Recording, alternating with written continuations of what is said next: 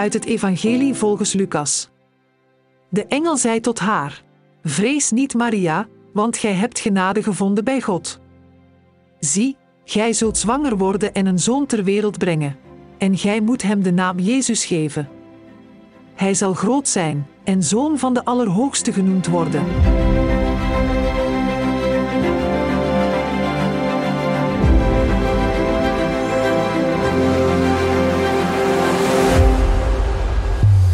Vrienden, op zondag 24 december, ja, dan is het s'avonds eh, kerstmis, nachtmis, ik weet het.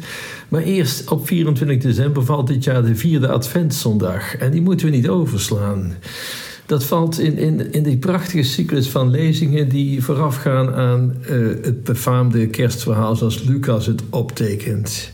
Maar eerst Maria. Altijd op vierde adventszondag komen we haar tegen.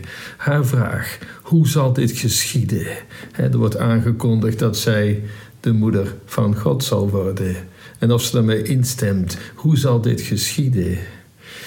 De vraag van Maria en ook van ons wij mensen zeggen heel graag te weten hoe een verhaal afloopt. Als we een spannend boek lezen waarbij de raadselachtige verwikkelingen van de hoofdpersoon naar de keel grijpen, is de verleiding soms groot om de laatste bladzijde maar vast te weten. Dan weet je, ah, zo gaat het, daar gaat het naartoe. En dan is de rest van het verhaal, ja, de spanning is natuurlijk ook wel meteen weg, maar vooruit maar. Een cliffhanger is soms niet zo slecht. In zekere zin is natuurlijk het hele mensenleven een spannend verhaal. Hè? Het verloop van de gebeurtenissen, die kennen we niet. We kennen alleen het nu en wat er achter ons ligt. Maar de toekomst is vol onzekerheid. Zo vol onzekerheden. Blijven we gezond? Hoe oud zullen we worden? Hoe zal het ons vergaan? Hoe zal het de wereld vergaan in 2024? Wordt het beter dan het afgelopen jaar? Hoe zal het met, met uh, familie, met vrienden, met mensen die ons dierbaar zijn gaan? We kennen de toekomst niet. We zeggen dat we het graag zouden weten, maar toch, als je erbij nadenkt, je kunt het beter maar niet weten. Het mooie is dan geen aangename verrassing meer en het kwade wat ons treft, dat maakt ons dan nu al benauwd. Je kunt het beter maar niet weten. Ons mensenleven is ook een avontuur omdat het een weg met God is. We weten en geloven dat Gods hand mensen leidt. We kunnen dat hopelijk herkennen in onze eigen geschiedenis en die van andere mensen in het hier en nu. Maar de onzekere toekomst, daar hebben we alleen verlangen, verwachting, hoop, geloof, noem maar op. We weten het niet. We zeggen dat we het zo graag zouden weten, en zo bidden we soms ook, maar toch, nee, laat het maar zo. In het Evangelie zien we zo'n moment waarop God heel beslist de bestemming van de mensheid en de geschiedenis ten goede leidt. Hij is het vast van plan zijn heilsplan te laten uitkomen. Zijn voorzienigheid vindt dan dat het tijd wordt voor de komst van de Zoon in de wereld en het aanbreken van het heil. God die alles voorziet, heeft echter wel de vrije medewerking nodig van een mens. Dat sluit elkaar niet uit, hè? Van zo, ja, Gods voorzienigheid en toch de vrije medewerking, maar als het allemaal al vast ligt, nee, zo is het niet. Je ziet dat wel vaker. Het sluit elkaar niet uit. Mensen die elkaar goed kennen, weten wat de ander zal kiezen als hij voor een keuze komt te staan. Soms zelfs beter dan degene die moet kiezen. Je weet gewoon, hij zal dit of dat doen. zo voelen vooral moeders feilloos hun kinderen aan. En God weet al wat wij gaan kiezen. Maar omdat wij het niet weten, hebben we toch die vrije keuze. We zijn geen robot, hè? God kiest Maria om ja te zeggen tegen Gods bedoelingen. Predestinatie, nee, dat, dat kennen wij niet. En Maria had ze nee kunnen zeggen, zeker. Maria, die leefde in de verwachting van het heil, hè, zoals veel meer mensen dat deden in haar tijd hè, van het Joodse volk. Ze weet nog niet dat het zo dichtbij is en die engel kondigt het haar aan. Maar haar vrijheid staat nog op de drempel. Hoe zal dit geschieden? eigenlijk is al een impliciete erkenning van ik zal het doen, maar, maar hoe, hoe moet ik me dat voorstellen? hoe zal dit geschieden? Dat, dat, dat, daar spreekt geen twijfel uit, maar eerder geloof. Waar gaat dit uitkomen? Hoe moet die toekomst eruit zien? Hoe zal dit geschieden? En Maria stelt die oermenselijke vraag die wij ook ons zo vaak stellen.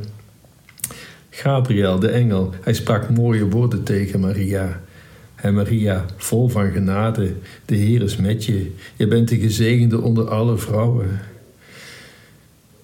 En nee, niet van je hebt het flink verknald bij God of ik heb je nog iets te zeggen voordat God een bliksemflits op je afstuurt. Ehm, dat is, zou de engel waarschijnlijk zeggen als je ooit aan mij zou verschijnen. Ik zeg dat een beetje badinerend, u snapt het, om ervan bewust te zijn dat dit niet zomaar een verhaal is, maar de realiteit wat die Bijbel beschrijft. Die engel kondigt aan dat het kind dat ze zal krijgen heilig genoemd zal worden, zoon van de Allerhoogste.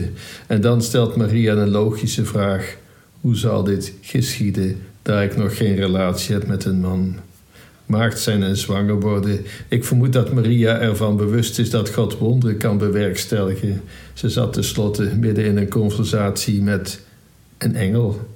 Ja, die door God gezonden is. Het is ook logisch dat ze daarvan schrikt aanvankelijk. Hè? Iemand die zo van een andere dimensie ineens voor je staat.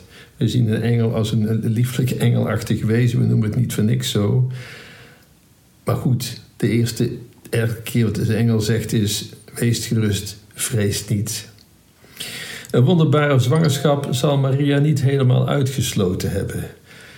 En er zal ook een andere vraag zijn geweest die haar bezig hield waarom ik? En, en trouwens, bedenk de consequenties eens. Hè? Wat zou een dorpsgemeenschap zeker in die tijd wel niet denken als een ongetrouwd meisje zwanger wordt?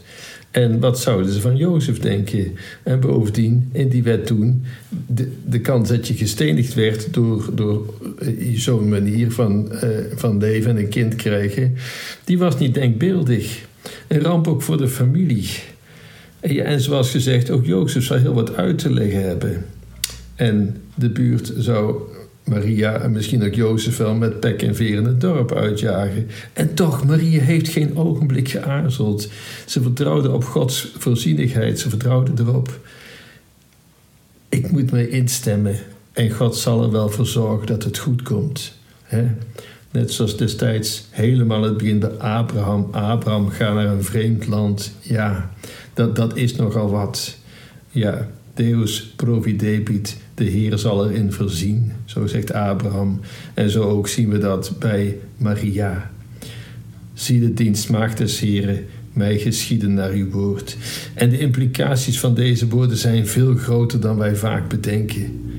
En toch, Maria, ze deed het hoe je ook over Maria mag denken. Maria onder, Maria's onderwerping aan Gods wil is een subliem voorbeeld voor ons allemaal. Nogmaals, had Maria nee kunnen zeggen? Zeker, dat was mogelijk geweest. Net zoals Sint Franciscus nee had kunnen zeggen tegen zijn roeping. Of moeder Therese, of noem maar op. Maar nee, ze maakte een ommekeer en besluit. En vanaf nu ga ik ervoor. En dat hebben ze consequent gedaan. Uh, ze hadden allemaal nee kunnen zeggen en had hun leven er heel anders uitgezien. Maar ook van Maria, ze zei ja. En eigenlijk wordt het ook van ons gevraagd als gelovigen. En zeker dat vraagt moed. En zeker je leven komt er dan anders uit te zien. De vraag is: durft u het aan? Ja zeggen tegen iets waarvan uw hart eigenlijk zegt. En waarin u eigenlijk in uw hart weet: het is goed om daar ja op te zeggen. Ook al komt het slecht uit of verklaart uw omgeving misschien wel voor gek of wat dan ook. Ook al zijn de gevolgen niet te overzien. Die vraag stelt het Evangelie ons vandaag in, zo de laatste dag eh, van de aanloop naar kerstmis vanavond. Zeg ja en beleef de echte vreugde van kerstmis. Vrede in uw hart. Mary, did you know that your baby